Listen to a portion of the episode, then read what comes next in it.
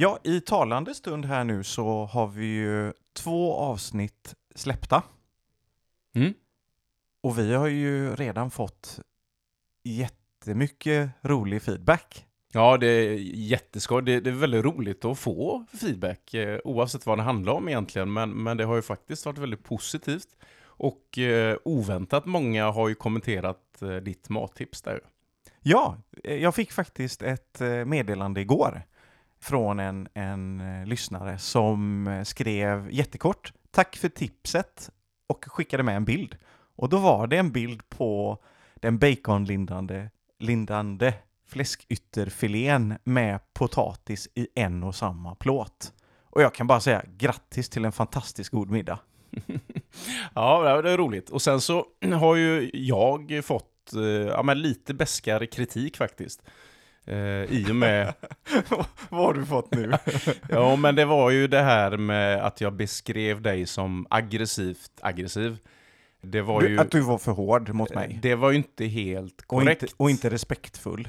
Ja, alltså det var väl mer utifrån ett språkpolisaktigt sätt. Jag borde ha sagt aktivt aggressiv.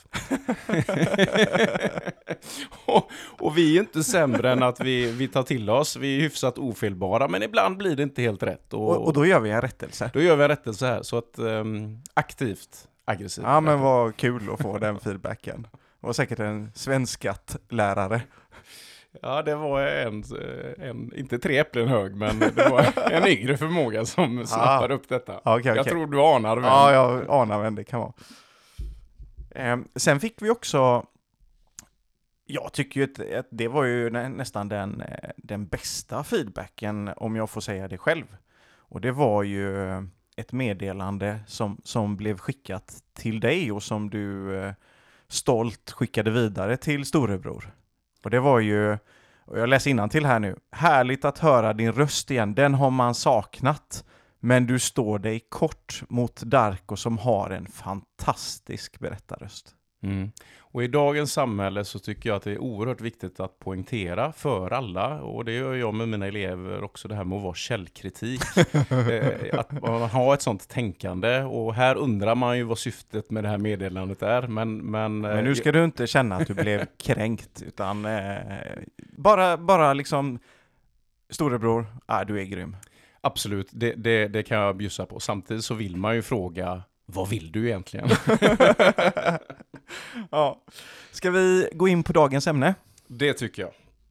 Löpning. Lite generellt har vi tänkt att eh, beröra detta och eh, det intressanta är ju just eh, hur vi har ändrat uppfattning om detta. Vi är ju båda egentligen via vår fotbollsuppfostran i ÖIS blev vi ju lite skadade i vårt förhållande till löpning. Inte bara det att eh, löpningen tyckte vi per automatik var det tråkigaste för att där ingick inte någon boll.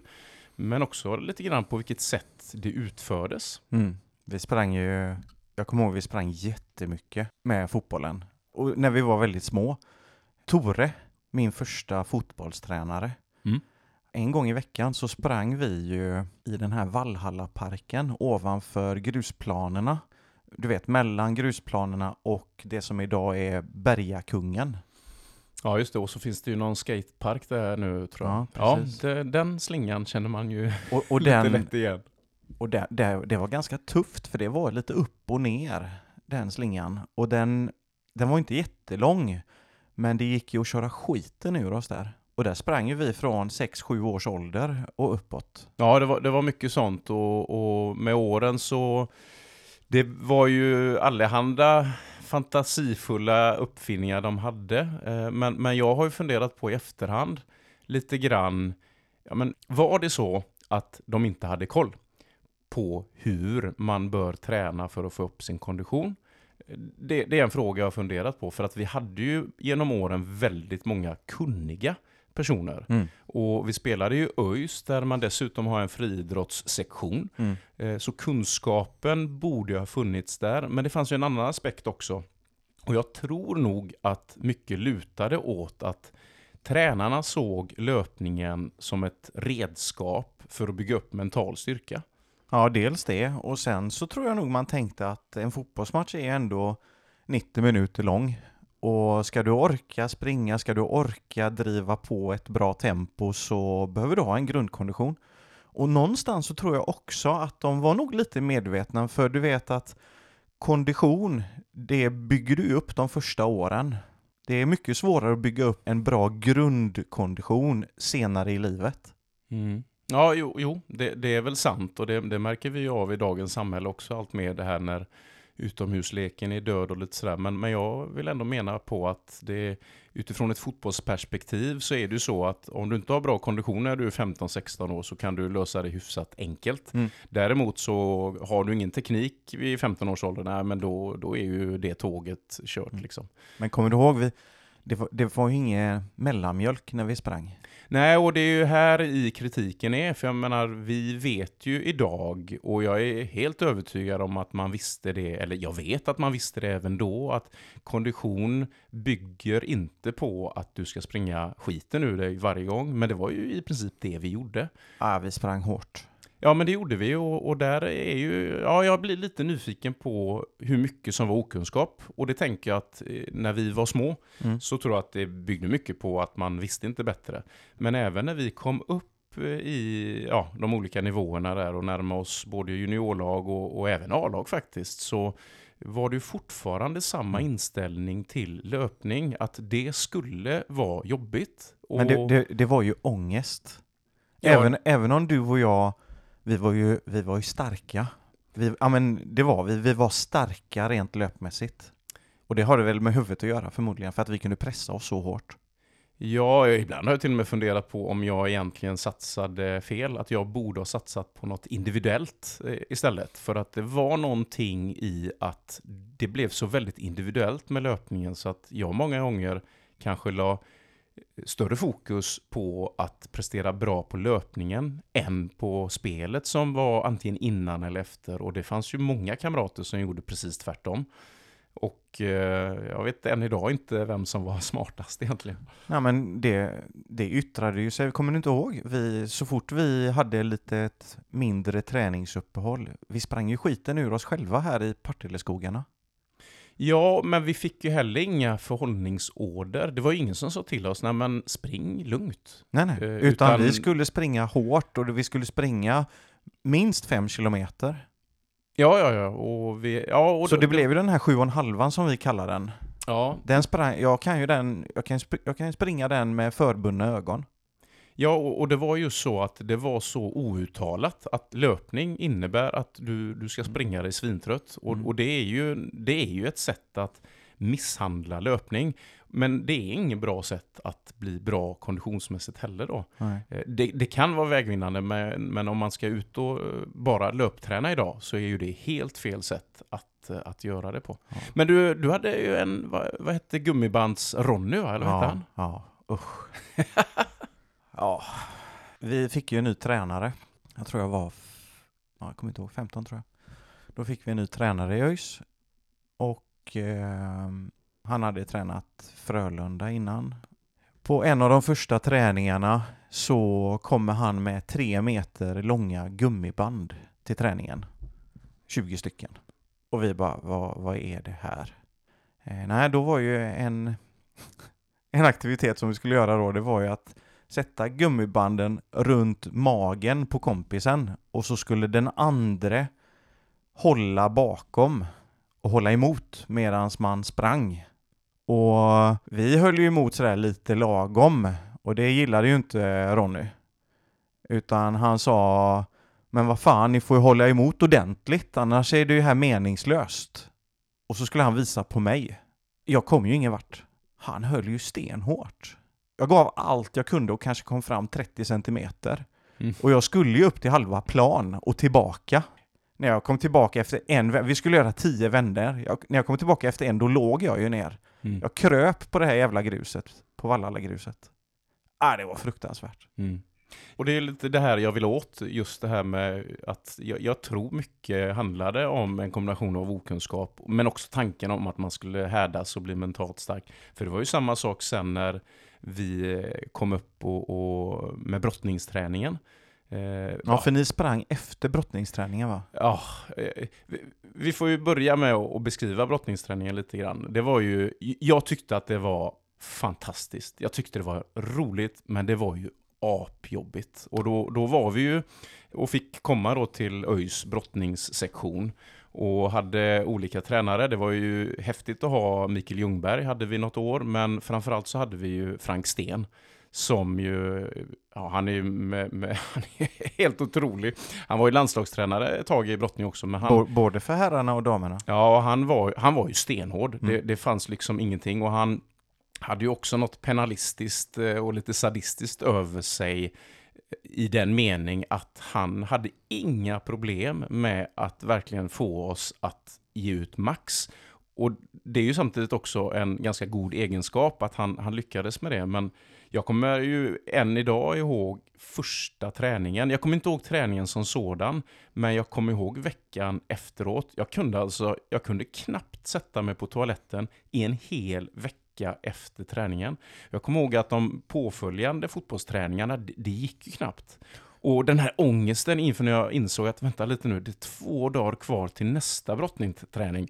Eh, Alltså, det kommer aldrig gå.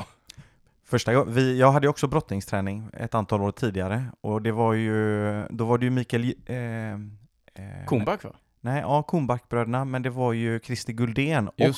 Frank Sten. Ja.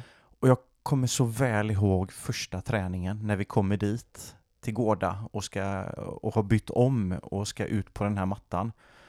Eh, och så blåser de, eller han ropar, Frank Sten då, samling. Och så står vi på rad och vet vad han säger till oss? Han skakar på, han var inte, han var inte lång, han var ungefär som mamma och pappa, 1,60. Han är ju lika hög som han var bred av muskler liksom. Och han skakar på huvudet och så, så säger han till oss ni är den mest patetiska grupp jag någonsin sett och ni ska kalla er fotbollsspelare. Och, och vet du vad han sa sen? När jag är klar med er idag, då kommer ni krypa av den här jävla mattan. Ja, och det var ju väldigt sant också. Det, Ja, det, det, var ju... Och det gjorde vi ju. Ja, och, och det var bara för att liksom eh, få en insikt i hur det var. Det, det var ju mer regel än undantag att en eller flera spydde Ja, ja. i samband med träningen ja. eller efteråt. Och, och, och det var inte bara de första träningarna, Nej, nej, nej. utan det var ju så under hela, och det, för vi körde ju brottningsträning en gång i veckan under hela uppbyggnadsperioden. Just det. Och där är, ja, det finns hur mycket som helst att berätta om den träningen, men vi, vi ska inte fastna där tänker jag. Men jag måste Men- bara ta upp en uppvärmning vi hade.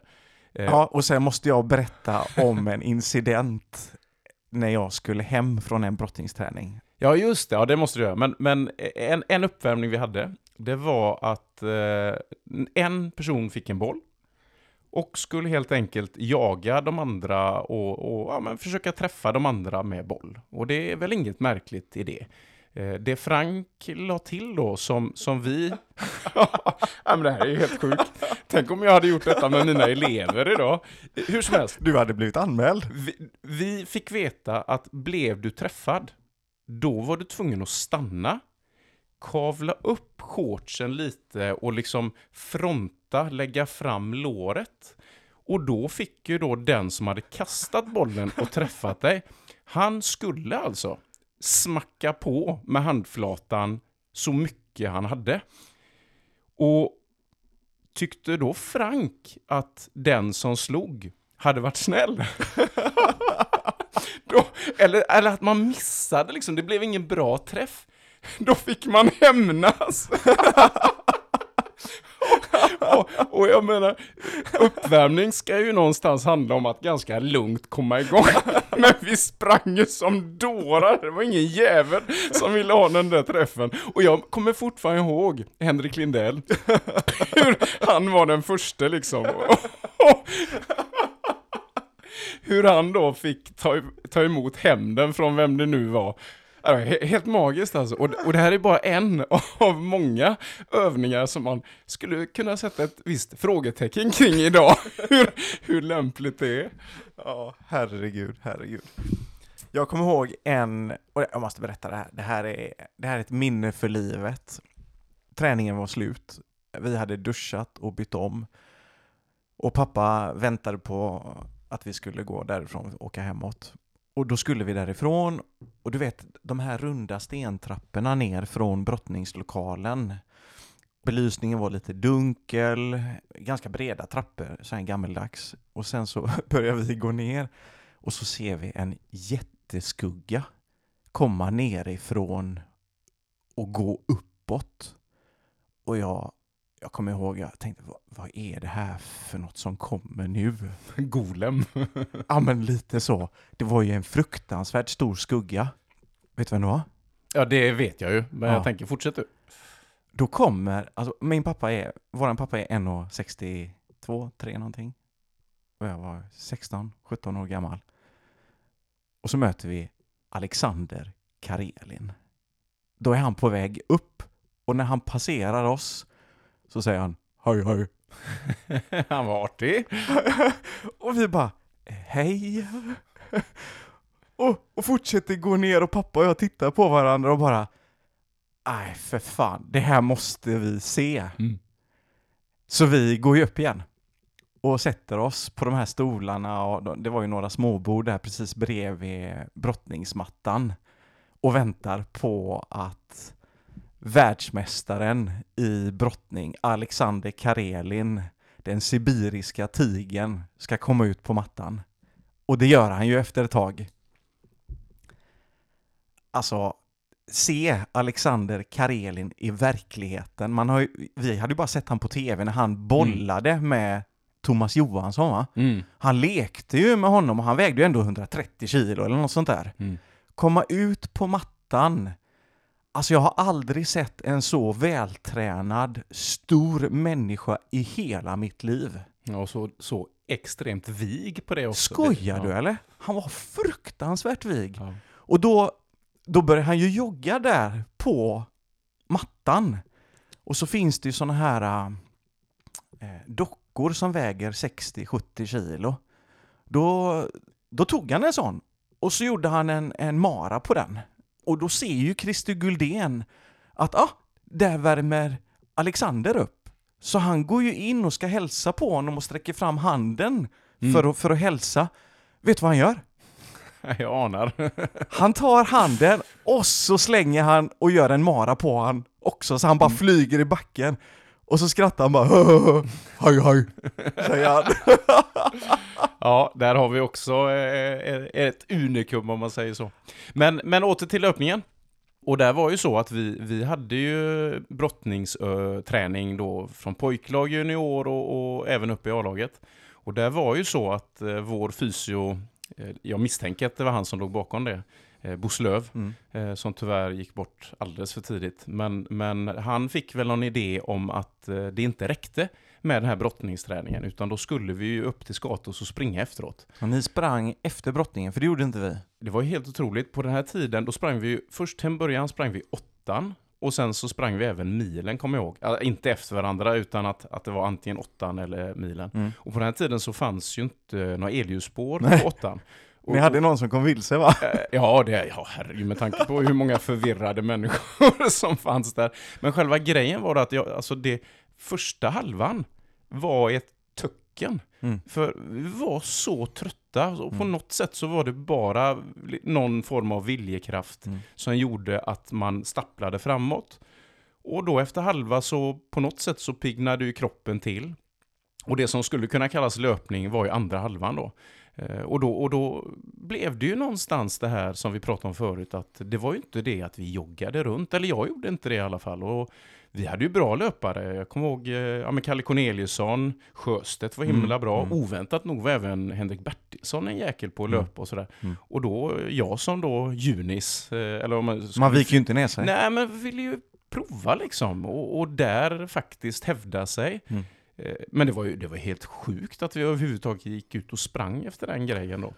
För, för vi sprang ju inte efter brottningsträningen. Vi hade ju, vi, vi körde ju den för sig. Däremot så var ju vi nere och körde ett hårt styrkepass på Nautilus nere vid tidigare Holmens herr. Eh, där körde ju vi ett hårt benpass, ja men så hårt man kunde tänka sig. Och sen åkte vi ju, efter det passet på en timme så åkte vi upp till Öjsgården för att sen springa från Öjsgården runt, ja, nu ligger ju Gaisgården där och så runt Delsjön och så tillbaka liksom, jag tror det var 6,5 kilometer på tid med pulsmätare. Mm. Och det var ju, det var ju värsta träningsdagen på veckan. Det var när vi var nere på Nautilus och körde det här uh, hårda styrkepasset för att sen upp till Höjsgården och springa runt. Nej, fruktansvärt. Men jag, det var samma för mig. Eh, jag tror vi hade, vi hade eller har en fallenhet. Jag har väl inte fallenhet längre för att springa på det sättet, men jag kunde pressa mig ganska så tufft och hårt. Och jag vill minnas att jag sprang den 6,5 på typ 22-23 minuter. Mm. Ja, fotbollen kan man ju lugnt säga att där, där vi fick ju en väldigt misshandlad eh, bild av löpning. Det var ju fanns ju inget trevligt med den överhuvudtaget. Och jag vet att jag tidigt tänkte, eh, och även långt senare, att eh, alla som, som springer 10 kilometer eller mer är ju dumma i huvudet. Ja. Jag, jag, kunde inte förstå varför man skulle vilja utsätta sig för det. Har, har vi något mer där innan vi går på vändningen så att säga? Ja, men jag har en historia till med tanke på det här att man alltid körde slut på sig och man aldrig gav sig. Jag rehabbade ju under en period när jag var lärling i A-laget. Då hade vi ju, men Torbjörn Nilsson var ju våran tränare då. Eh, så då, jag tror det var, jag funderar på om det var fästet i ryggen som hade gått av eller om det var korsbandet jag kom tillbaka ifrån. För det var ju typ samma år allting hände. Men då, då skulle vi ut och springa när eh, jag mer eller mindre var färdig rehabbad och då var det ju Bosse Löv då, våran fysio, Torbjörn Nilsson och Jens Wålemark. Och då tog vi bilen från Öjsgården till den här sandparkeringen du vet, precis vid eh, Delsjön. Mm. Och jag, 17-18 år, eh, frågar i bilen utan att tänka på hur jag frågar, bara var träffas vi sen? när vi eh, kommer tillbaka. Och inser ju en minut senare att eh, när de svarar, det får du se var vi står någonstans. Att frågan var ställd som om jag skulle vinna den löpningen. Vi skulle springa runt båda delsjöarna. Och jag minns så väl att vi eh, började jogga, för vi sa att ja, vi börjar lugnt. Och sen bara efter någon kilometer och två så började ju stegras. Hetsas helt enkelt. Och den som släppte först var Jens Wålemark. För han hade inte kommit riktigt lika långt i rehaben. Jag var ju mer eller mindre färdig rehabbad. Och sen så fortsatte vi springa och sen någonstans efter 4-5 kilometer då släppte Torbjörn Nilsson. Och det här är ju legendaren Torbjörn Nilsson från IFK. Alltså jag har knäckt honom. Det känns jävligt bra. Och sen så fortsatte vi och så kommer vi ju till den här eh, längst bort innan man vänder tillbaka och springer upp för de här trapporna och sen så småningom kommer man ju till den här hängbryggan, eller häng, jag vet inte vad den kallas, över sjön där. Ja. Och jag hänger av Bosse Löv. Hade han hunden med sig? Nej, Nej. utan eh, hänger av honom så jag har väl kanske en lucka på 200 meter, så hela den bryggan har jag som lucka. Och då kommer ju den här fruktansvärda uppförsbacken. Ja, den är inte trevlig alls. Och jag, jag tänker, jag ska fan knäcka er. Så jag ger ju allt i den här uppförsbacken. Kommer upp för backen och då, då är jag tvungen att stanna för att spy. För det bara vände, allting bara vände. Mm. Och längst ner i backen kommer Bosse Löv och ser att jag står och hulkar. Och när jag ser honom, då slutar jag och så fortsätter jag springa. och jag vinner ju till slut, men eh, och, vad vill jag säga med det här? Ja, det var aldrig någon sån här lagom eller någon njutning, utan det var en ren och skär ångest liksom. Mm. Ja, och det eh, handlar om att inte vika ner sig. Nej, det var, det var ju grunden på något sätt. Åren går. Vi eh, får lite perspektiv på detta. Vi slutar spela fotboll. Eh, tråkigt eh, i, ett, eh, i ena perspektivet, men utifrån ett löpperspektiv så var ju det väldigt bra. Eh, jag vet att jag hade, när jag la ner fotbollen så hade jag väldigt svårt att hålla igång träningen. Eh, jag lyckades en månad och sen så var det en månad som var dålig och hit och dit fram och tillbaka. Och det ledde ju till att jag blev ju förbannad på mig själv helt enkelt över att jag inte lyckades. Och då valde jag ju faktiskt att anmäla mig till Göteborgsvarvet för första gången. Eh, och det var ju verkligen en sån eh, dum i huvudet-grej. För jag, jag tyckte inte annorlunda om löpning då egentligen än vad jag tyckte under fotbollstiden. Och varför löpning? Jo, för mig var det ju... Jag hade svårt med småbarnsåren. Jag tyckte det var, jag tyckte det var skitjobbigt. På vilket sätt då? Ja, men jag... Det var... Att vara lärare, mycket ljud, eh, komma hem, eh, eller när man var hemma med barnen, jag var ju hemma ganska mycket med barnen, mycket ljud hela tiden och jag kände ju någonstans att det var någonting som rev i magen på mig. Jag, jag var tvungen att fly helt enkelt, jag var tvungen att komma hemifrån. Och eh, då var det ju så att eh, kombinera det med att röra lite på sig. Det finns ju inget bättre än löpning för att det är väldigt effektivt. Man snurrar på sig, sticker och så är man hemma igen. Jag hade jättedåligt samvete till en början. För, för vad då? Ja, men jag hade dåligt samvete för att jag rymde. Jag, Lämnade jag, familjen? Ja, precis. Men, men jag sa det till Katarina, jag, jag måste, jag, jag klarar inte det här. Eh, och det var väl eh, förmodligen ett väldigt bra beslut. Och som tur var så efterhand så börjar ju det här dåliga samvetet släppa. Eh, jag ville verkligen, jag försökte verkligen få henne att komma bort också, men hon, hon hade ju inte det behovet på, på samma sätt. Men, men jag tror på riktigt att det här att jag började eh, komma igång med löpningen, eh, det, var, det var oerhört viktigt för mig som, som människa. Och sen så blev det ju någonstans så att jag, jag var ju tvungen att tvinga ut mig själv. Jag hade gärna musik i öronen eller någon, någon ljudbok. Eh, men tyvärr hade jag även Runkeeper i öronen. Eh, ja, jo men jag säger tyvärr för att eh, jag, jag hade inte tagit mig ut utan att ha musik eller, eller bok i öronen. Det, det, det, det, det hindret var för stort helt enkelt. Det hjälpte mig, men problemet var ju då att på den här tiden hade jag ingen löparklocka. Och eftersom jag var tvungen att ha lurar i öronen och hade på Runkeeper som mätte det hela, så det, det lurade jag ut senare att man kunde ändra på de här inställningarna. Men eh, den där kvinnorösten talade ju om vid varje kilometer Ja, eh, vad man hade för snitttid. snittid och sådär Ja. grej. Och, och det var ju så att hon piskade ju mig. Mm. Eh, jag var inte mentalt stark nog att skita i vad hon sa. Mm. Utan någonstans så blev ju hon som någon lutter på axeln där som bara krävde en massa saker. Eh, så att, eh, ja, det var jobbigt men jag hade ju förnuft nog att stänga av henne till slut då. Så det var väl lite grann vändningen för mig där när jag faktiskt, dels tvingade mig själv ut, men vändningen var nog det här att inse att, ja men Daniel, du behöver inte komma hem och vara helt slut varje gång. Och när jag stängde av henne, det var då jag började springa långsammare helt enkelt. Mm. Och för, för mig var ju vändningen då när jag kände att nu måste jag komma igång igen. För jag hade väl lite samma problem efter fotbollen. Jag sökte ju efter olika träningsformer men hittade inget riktigt eh, som höll över tid. Och i den vevan när jag började ändra kost och sådär så jag visste ju att jag var bak i tiden jäkligt bra på att springa. Så jag, jag började ju springa lite och då anmälde jag ju mig till Midnattsloppet. Eh, Jag kom överens med min granne Martina att ja, men vi kan väl springa det tillsammans.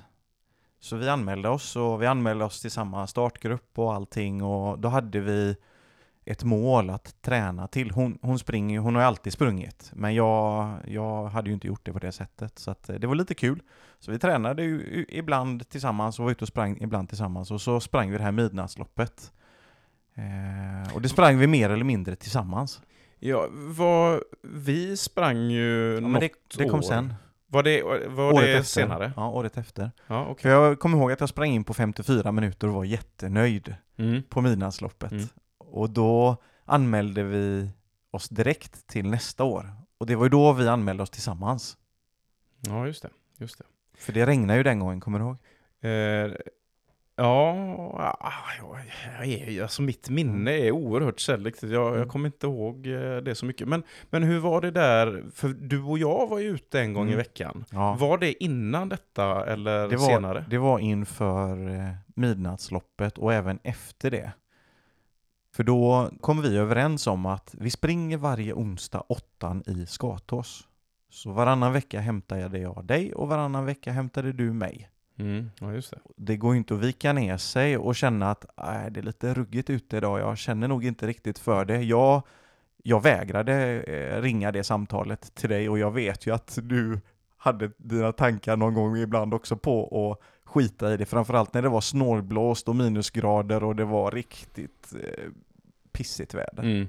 Ja, och, och det, är, det är ju så att, eh, och det, det kan jag ta som ett allmänt tips till, till löpare sådär, som eh, kanske tycker att det är jobbigt att eh, se till att få löpningen gjord. För Mm. att ju längre du väntar på en dag, desto jobbigare är det. Och framförallt under vinterhalvåret. Ja, det var fruktansvärt de här mörka månaderna. Mm. och, och komma iväg. Jag kommer ihåg flera gånger när ja, men du var på väg och jag bara, jag orkar inte, jag vill inte, det är, det är kallt och det är ruggigt. Bara, Mm. Nej, nej, nej, jag vill inte. Men när vi väl höll på så var det ju, det var ju fantastiskt efteråt. Jo, jo men absolut. Och, och där, där är just den här grejen att vi, jag tror folk glömmer lite grann att vi, likväl som vi har fysisk ork och energi så har vi ju mental ork och energi. Och under en hel dag så bränner vi mental energi. Mm. Och det gör ju att vi är svagare i sinnet på kvällen. Det är mycket, mycket svårare att ta sig ut för att göra den där, det där träningspasset eller den här löpningen, eh, framförallt i mörkret. Då. Men, men det, jag minns att det var lite roligt och jag har ju under den här vevan då, efter fotbollssäsong, eller säsongen, fotbollskarriären, så hade jag ju kommit längre i min löpning än vad du hade gjort. Så att eh, jag valde ju hela tiden, för du ville ju, du hade ju lite tidsmål på åttan och sådär. Mm. Och då, då såg jag till att alltid vara något litet steg eller två framför dig Ja. för att dra Som lite. om vi skulle springa lugnare. Det blev ju fan lika hetsigt som i ÖIS ju. Ja, nej, inte för mig. så det var ju jättebra. Jag vet att jag hulkade några gånger när vi kom i mål. Vid Härlanda tjärn. Det var ju inte bara en gång. Nej, just det. Ja, nej men det, det, det var ju trevligt och midnattsloppet var ju som du sa ett mål. Och Mm. där är ju en sån sak, att ha mål med sin träning är ju någonting som har hjälpt båda oss oerhört mycket. Ja, och jag, det är många som säger att Nej, men jag vill inte tävla. Men att anmäla sig till ett lopp, det är ju väldigt, väldigt bra att göra. För då har du någonting att träna mot. Absolut, och där tror jag att vi är väldigt olika. För en del så räcker det. Mm. Eh, sen har jag ju alltid blivit förvånad över alla de här som anmäler sig till lopp men ändå inte tränar inför det. Utan kommer ganska så oanmälda, alltså o, o, oförberedda på det hela. Och där tror jag att en del av det handlar om att man måste dela upp det där stora målet till någonting som är närmare en själv. Att man ja, men kanske sätter ett veckomål. Jag ska ut tre gånger i veckan eller vad det nu kan vara för att så småningom klara av det där Göteborgsvarvet eller midnattsloppet eller vad det än må vara. Då, Mm. va? Ja, för jag vet att efter midnattsloppet, då var ju mitt nästa mål var ju Göteborgsklassiken. Och det är ju då, för de som inte vet, så cyklar man ju, är det fyra eller fem mil? Eh, Hisingen runt kallar man det i alla fall. Jag tror det Mm. var fem mil. Mm. Och sen så simmar man ju en kilometer i Delsjön i augusti och sen springer man ju finalloppet, eh, in, vad är det, skiftet oktober-november va? Mm.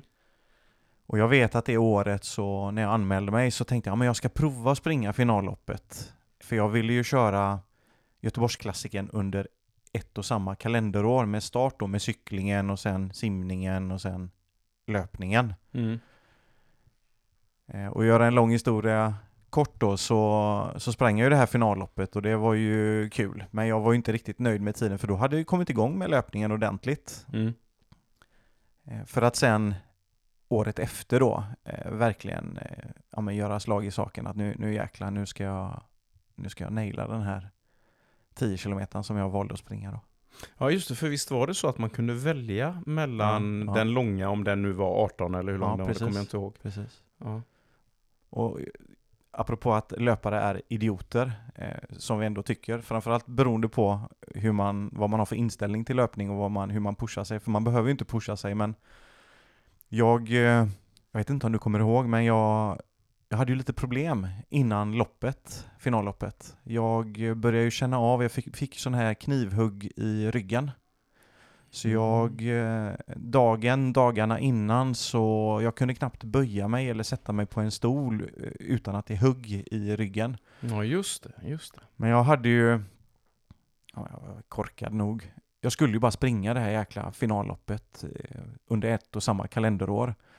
Och jag minns att jag kunde knappt värma upp för jag hade så ont i ryggen för det bara hugg. Helt plötsligt kom det bara ett hugg i ryggen liksom. Och Jenny sa ju det till mig, du är ju korkad. Varför ska du springa? Du har ju redan klarat finalloppet. För det var ju egentligen, man behöver inte göra det under ett och samma kalenderår utan Mm. Men jag hade ju ställt in mig på att det ska ske under samma kalenderår så jag skulle bara springa det där loppet. Och springer det och lyckas ju göra en riktigt, riktigt bra tid. Hur jag nu lyckades med det. Men eh, ni träffade ju mig sen när jag gick i mål, kommer du ihåg? Ja, ja, alltså och, och, återigen, mitt minne är ganska selektivt. Men det här kommer jag ihåg i och med att du hade ju en annan, kan man säga, nyans, färg i ansiktet än vad du brukar ha. Jag har för mig att barnen blev lite rädda va? Du, där vi blev alla ganska oroliga faktiskt. För du, du var ju grå, alltså mer åt det vita hållet, men det var, det, nej, det såg inte friskt ut, det gjorde det inte. Ja, jag hade ju ont. Ja. Men det var det värt.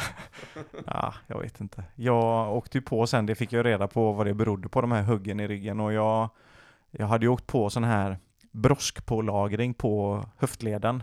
Så jag fick ju göra en, sen en sån här kam operation där de slipar bort det här brosket från höftleden för det skavde mot bäckenet. Mm -hmm. Och så yttrar det sig lite grann i, i, i ryggen ja. då? Ja, mm. precis. Ja.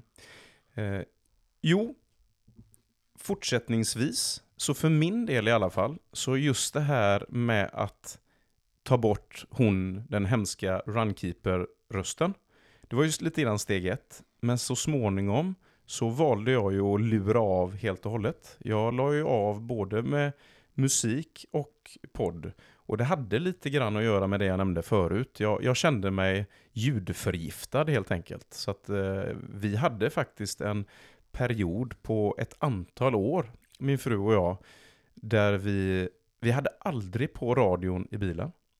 När ungarna hade somnat så tittade vi inte ens på tv. Vi, vi orkade inte. Det, det, var, vi behövde liksom få en paus från ljud i största allmänhet. Och där någonstans så gjorde jag samma sak med löpningen då. att jag, jag behövde få vara i fred. Det behövde få vara tyst runt omkring mig. Men jag är lite som fortfarande när det gäller ljud barnen skrattar ju lite åt mig att jag gärna vill ha tyst i bilen eh, och jag är ljudkänslig och de eh, bara, men kom igen, vi kan väl lyssna på lite musik. Bara, men det är ganska lugnt och skönt nu. Jo, men det tänker jag, det, det, har ju att göra med en medvetenhet som har byggts upp under årens lopp. Att man, man har börjat fatta lite bättre vad man mår bra av och vad man behöver och inte behöver. Men då var ju detta, det bara blev liksom, det, det hade jag väl aldrig funderat på så mycket att det kan vara skönt att få en ljudpaus. Men då hade vi kommit så långt på något sätt i hur jobbigt vi uppfattade det här med ljud, att vi bara stängde av allt. Och utifrån, för mig i alla fall, ett hälsoperspektiv, och då snackar jag om mental hälsa, så är ju det mitt absolut bästa beslut någonsin. Att inte lyssna på något när jag springer. För där började jag ju också sakta men säkert springa längre och längre och längre. Och det gjorde ju att jag fick ju mängder med tid till att bearbeta saker i huvudet. Plötsligt så kom jag på massa roliga idéer och lösningar och ibland, det händer inte så ofta, men ibland så kommer jag ju på mig själv med att jag tänkte nog banne mig inte på någonting alls. Och det, det händer ju inte så ofta, men är ju oerhört skönt. Och jag är ju inne på det idag, att jag funderar ju på fullaste allvar, när, när har människor när, när har de tid att tänka egentligen? Jag vet att jag gör det när jag springer. Ja, och, och för mig den här, för, för att sluta med den här hetsen kring att förbättra sig och ja, men, nya tidsmål och, och allt det här, det, det tror jag en, har precis ändrats för mig. För jag jag har ju lite problem med några diskar i ryggen och sådär och jag, jag har haft lite problem så fort jag ska springa lite längre för då får jag ganska mycket bekymmer med min rygg och sådär.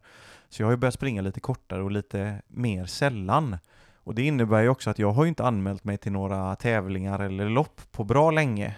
Och jag har märkt av nu sista året, ett och ett halvt åren, att när jag går ut och springer nu för tiden, jag har ju klockan på för jag vill gärna registrera rundan. Men eh, det var länge sedan jag brydde mig om eh, hur fort det gick. eller hur fort det går när jag springer. Utan jag sätter på den och sen så springer jag den tänkta rundan och när jag kommer tillbaka då stänger jag av. Det är knappt så att jag går in på Garmin eller Strava för att titta vad det blev för tid liksom. Nej. Och det känns det känns konstigt å ena sidan, men väldigt, väldigt skönt å andra sidan.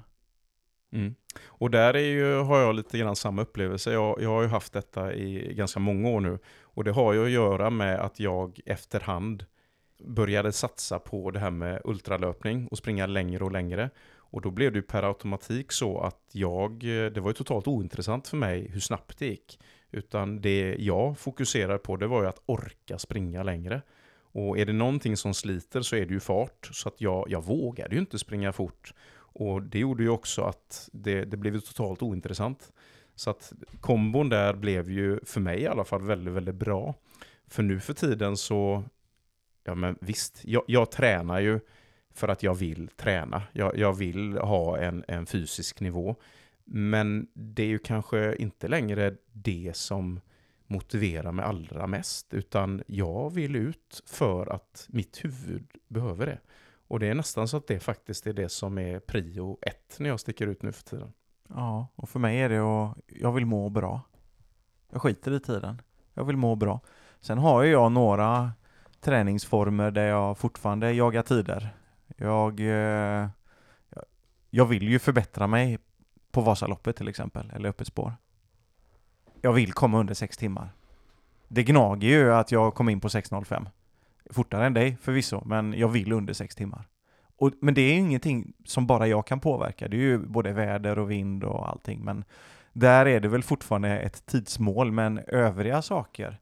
Jag tycker till exempel det är fantastiskt härligt att bara sticka ut med några kompisar och cykla mountainbike utan någon tidtagning. Bara garva och köra och bara ha kul.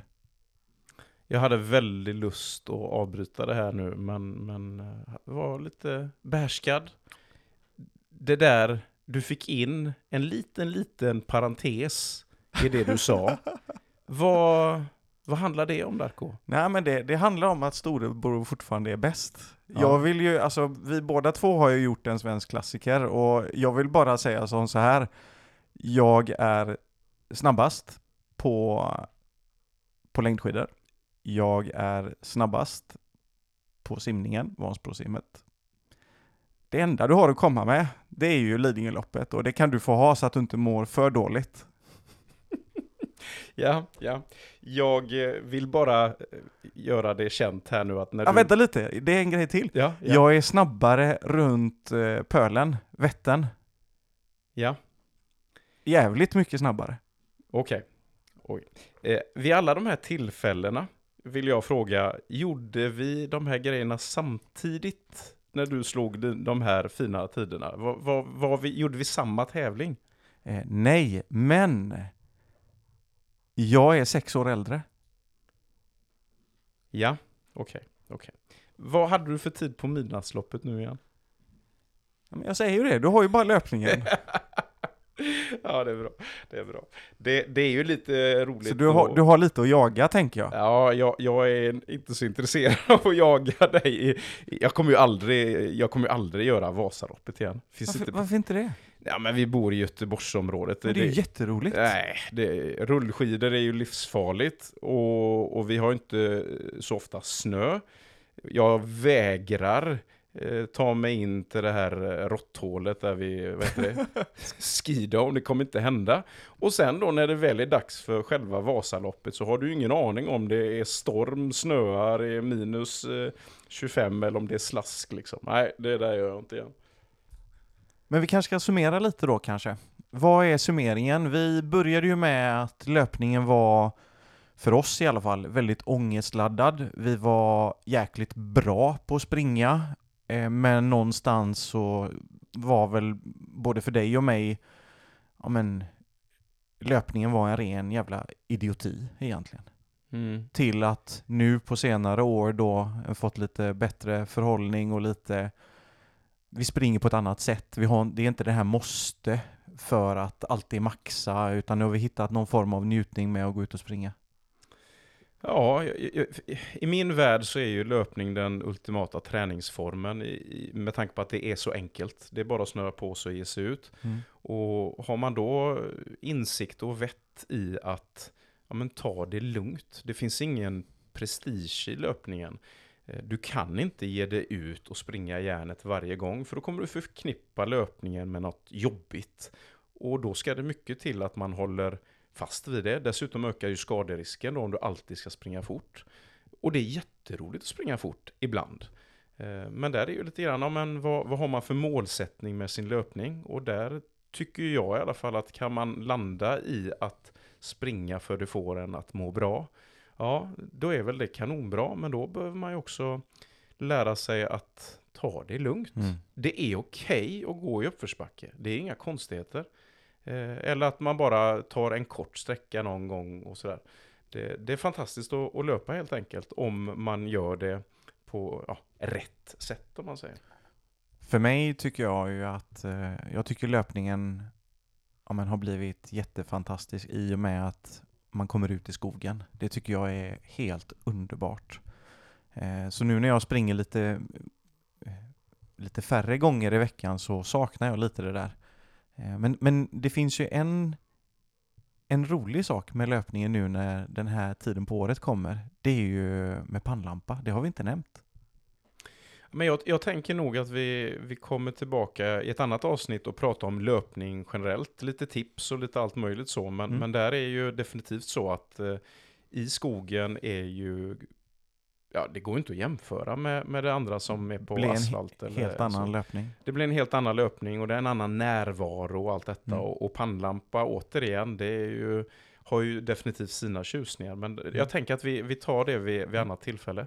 Absolut. Och eh, vill bara någonstans förmedla detta att eh, ja, det kan bli väldigt, väldigt bra. Nu känner jag att eh, vi behöver runda av, men innan vi gör det så Eftersom att det är så många som uppskattar eh, våra mattips och lite vad vi kommer äta till Ja, middag just så det, tänker jag att det får vi nog fortsätta med. Ja, men det får vi göra och så får vi jag skärpa till mig lite. Jag har varit lite tråkig i... eh, Ja, det har du. Ja, och det är ju för att vi på sätt och vis är lite tråkiga. Men, men idag blir det, ikväll blir det roligare. Vad blir det? Ja, ikväll blir det ju tacos. Inte fredagstacos, men ändå tacos. Är det med den här leverfärsen? ja, såklart att det är. Ja, Men han, han måste ju ändå ha räknat ut det. eh, nej, nej, nej. Nej, han hade inte... Jag tror inte han hade ätit om han hade... Han lyssnar inte på de här avsnitten Alltså, heller. här, nu, nu finns ju en risk. Men, men eh, han har ju för 17 ätit den här leverfärsen i rätt många år. Men vad är risken? Tror du att han kommer sluta? Nej, det tror jag faktiskt inte. Men, men det jag vill komma till med tacosen är ju att eh, vi äter ju inte tacos som alla andra. Så här finns ju lite mer att eh, eh, ta fram. Eh, jag vet ju hur standard, hur det brukar se ut så, men... Så det är ingen svenne-tacos? Jo, det är det nog säkert, men vi, vi har ju lite issues i vår familj vad gäller vad vi stoppar i oss. Och det har gjort att jag skulle aldrig, jag skulle aldrig någonsin köpa en färdiggjord tacokrydda. Det finns ju inte på kartan. Det, det tar ju mig inte en minut att slänga ihop lite spiskummin, lök, vitlök, paprikapulver, kakao och lite cayennepeppar och vad, om jag nu har någonting mer. Alltså, det skulle aldrig hända.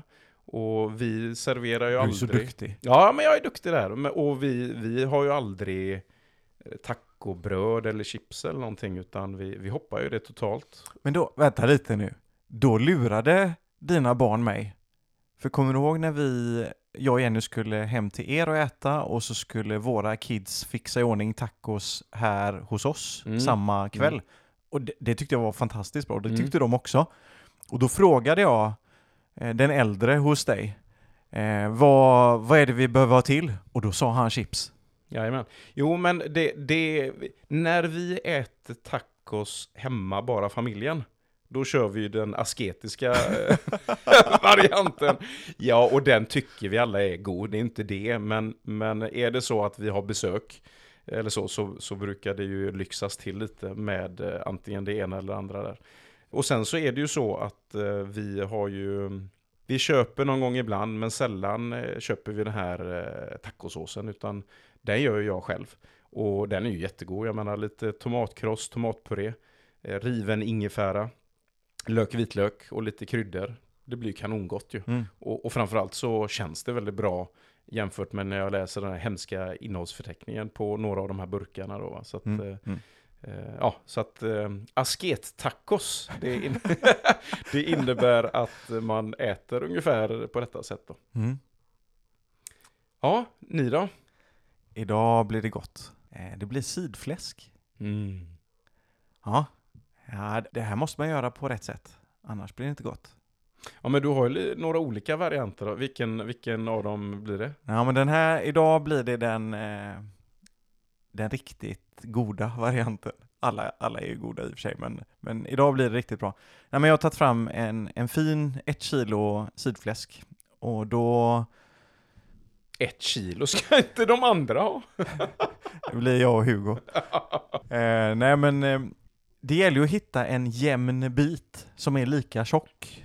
Och det, våra, våra lokala slaktare är ju duktiga på det, för när man ber dem, när man beställer där så fixar de så att de blir jämntjocka, liksom, så att de väljer ut de delarna på sidfläsket på grisen. Liksom. Och jag och en tidigare kollega, vi dividerade om hur gör man sidfläsk på bästa sätt. Och han är ju halv sydafrikan och halv irländare. Så han, han sa till mig så här, Darko Darko, the Chinese knows how to do it. Så vi googlade runt lite och så hittade han ett, en kinesisk kock liksom som hade lagt ut ett recept. Och det har jag ju kopierat rakt av och det blir jättegott. Så man, man gör ju ett rutnät kan man säga i köttet på sidfläsket och så fyller man det med lite marinad, lite goda kryddor och sådär. Allt ifrån lite chipotle till eh, ja, vitlök och sådär. Så man bäddar in det ordentligt. Och sen drar man in det i ugnen. Ja, men innan man drar in det i ugnen så måste man ju på själva svålen, den behöver man ju torka med hushållspapper och pensla med vitvinsvinäger. Vet du varför vitvinsvinägern? Nej. Ja, men då drar man ut lite fukten ur svålen och så Mhm. in i ugnen, typ på 120 grader i, gärna i två timmar, gärna lite mer. Och sen så tar man ut och då penslar man svålen med olja och så in i ugnen igen och så drar man upp värmen till 220 grader eller någonting. Så att det börjar bubbla i svålen Mhm. och då är den klar. Okej, okej. Och då plockar man ut den och sen, ah, det är magiskt gott. Ja. Ja, för då blir, ja, det blir krispigt och, och härligt. då. ja. Men, men en fråga här nu då. Varför kineser? Alltså varför skulle de vara extra bra på detta? Enligt min eh, kol- kollega så är de väldigt, väldigt duktiga på att eh, laga till de delarna av grisen som är billiga och göra det bra. Sen vet jag inte om det stämmer eller inte, men, eh, men det var hans förklaring i alla fall. Okej, ja, intressant. Ja, men det låter ju gott. Mm. Och till det en härlig grönsallad och kanske, ja, jag får se, det kanske blir någonting mer. Men Mm. det blir ju väldigt så, ja men sidfläsk är ju, det är ganska mycket fett i, men det blir fantastiskt god smak. Oh, och då måste jag komma och säga en sak till. Det här fettet då, som släpper från sidfläsket, Mm. för guds skull, häll inte ut det. Ja, Det men- tar man ju rätt på. Ja, men självklart. Ja, men det är ju inte självklart för alla. Jag har ju Nej. sett folk eh, göra dumheter med det här fettet. Jaha. Det kan man ju använda sen. Ja. Allt ifrån att eh, ja, men steka ägg eller fixa nästa måltid dagen efter och ha det istället för smör eller olja när man ska steka Mm. eller göra någonting annat. Det är, det är så mycket smak i det. Ja, ja, det, men, ja, alltså, det, det är ju så givet. Ha, har man kött i ugnen eller kyckling eller vad det än är, alltså det där som blir över vill man ju jättegärna ha. Kanske en gryta eller någonting dagen efter. Det är- Fantastisk ja. smaksättare. Jajamän, det, Ja. är, ja, det är jättegott. Men, ja, ja, men det här är ju återigen, på riktigt Darko, är inte, är inte det här självklart? Ah, Jag tror inte det. Nej, nej, jo, jag glömde. Fett är ju farligt. Just det, så var det. Ja, där har vi det. Där har vi det.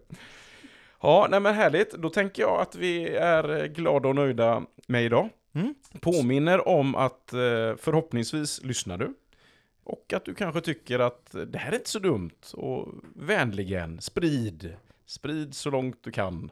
Så fler kan upptäcka denna fantastiska podd. Ja, och gå nu in och prenumerera på podden. Och gå gärna in på vårt Instagramkonto och följ oss. för då missar ni ingenting. Kan man, kan man eh, skriva någon kommentar? Eh, Nu har ju vi fått kommentarer till oss som ja, privatpersoner så att säga, men går det att kommentera någonstans på de här olika plattformarna eller? Det går att skicka ett meddelande till oss på Instagram eller så kan man eh, i vår bio på Instagram har vi en länk och klickar man på den så kan man eh, lämna en kommentar den vägen också. Ja, hoppas att det var trevlig lyssning. Nu ser jag att solen skiner och att vi måste ut där. Vi måste ut. Då önskar vi alla smaklig måltid. Och en bra dag. Tack och hej.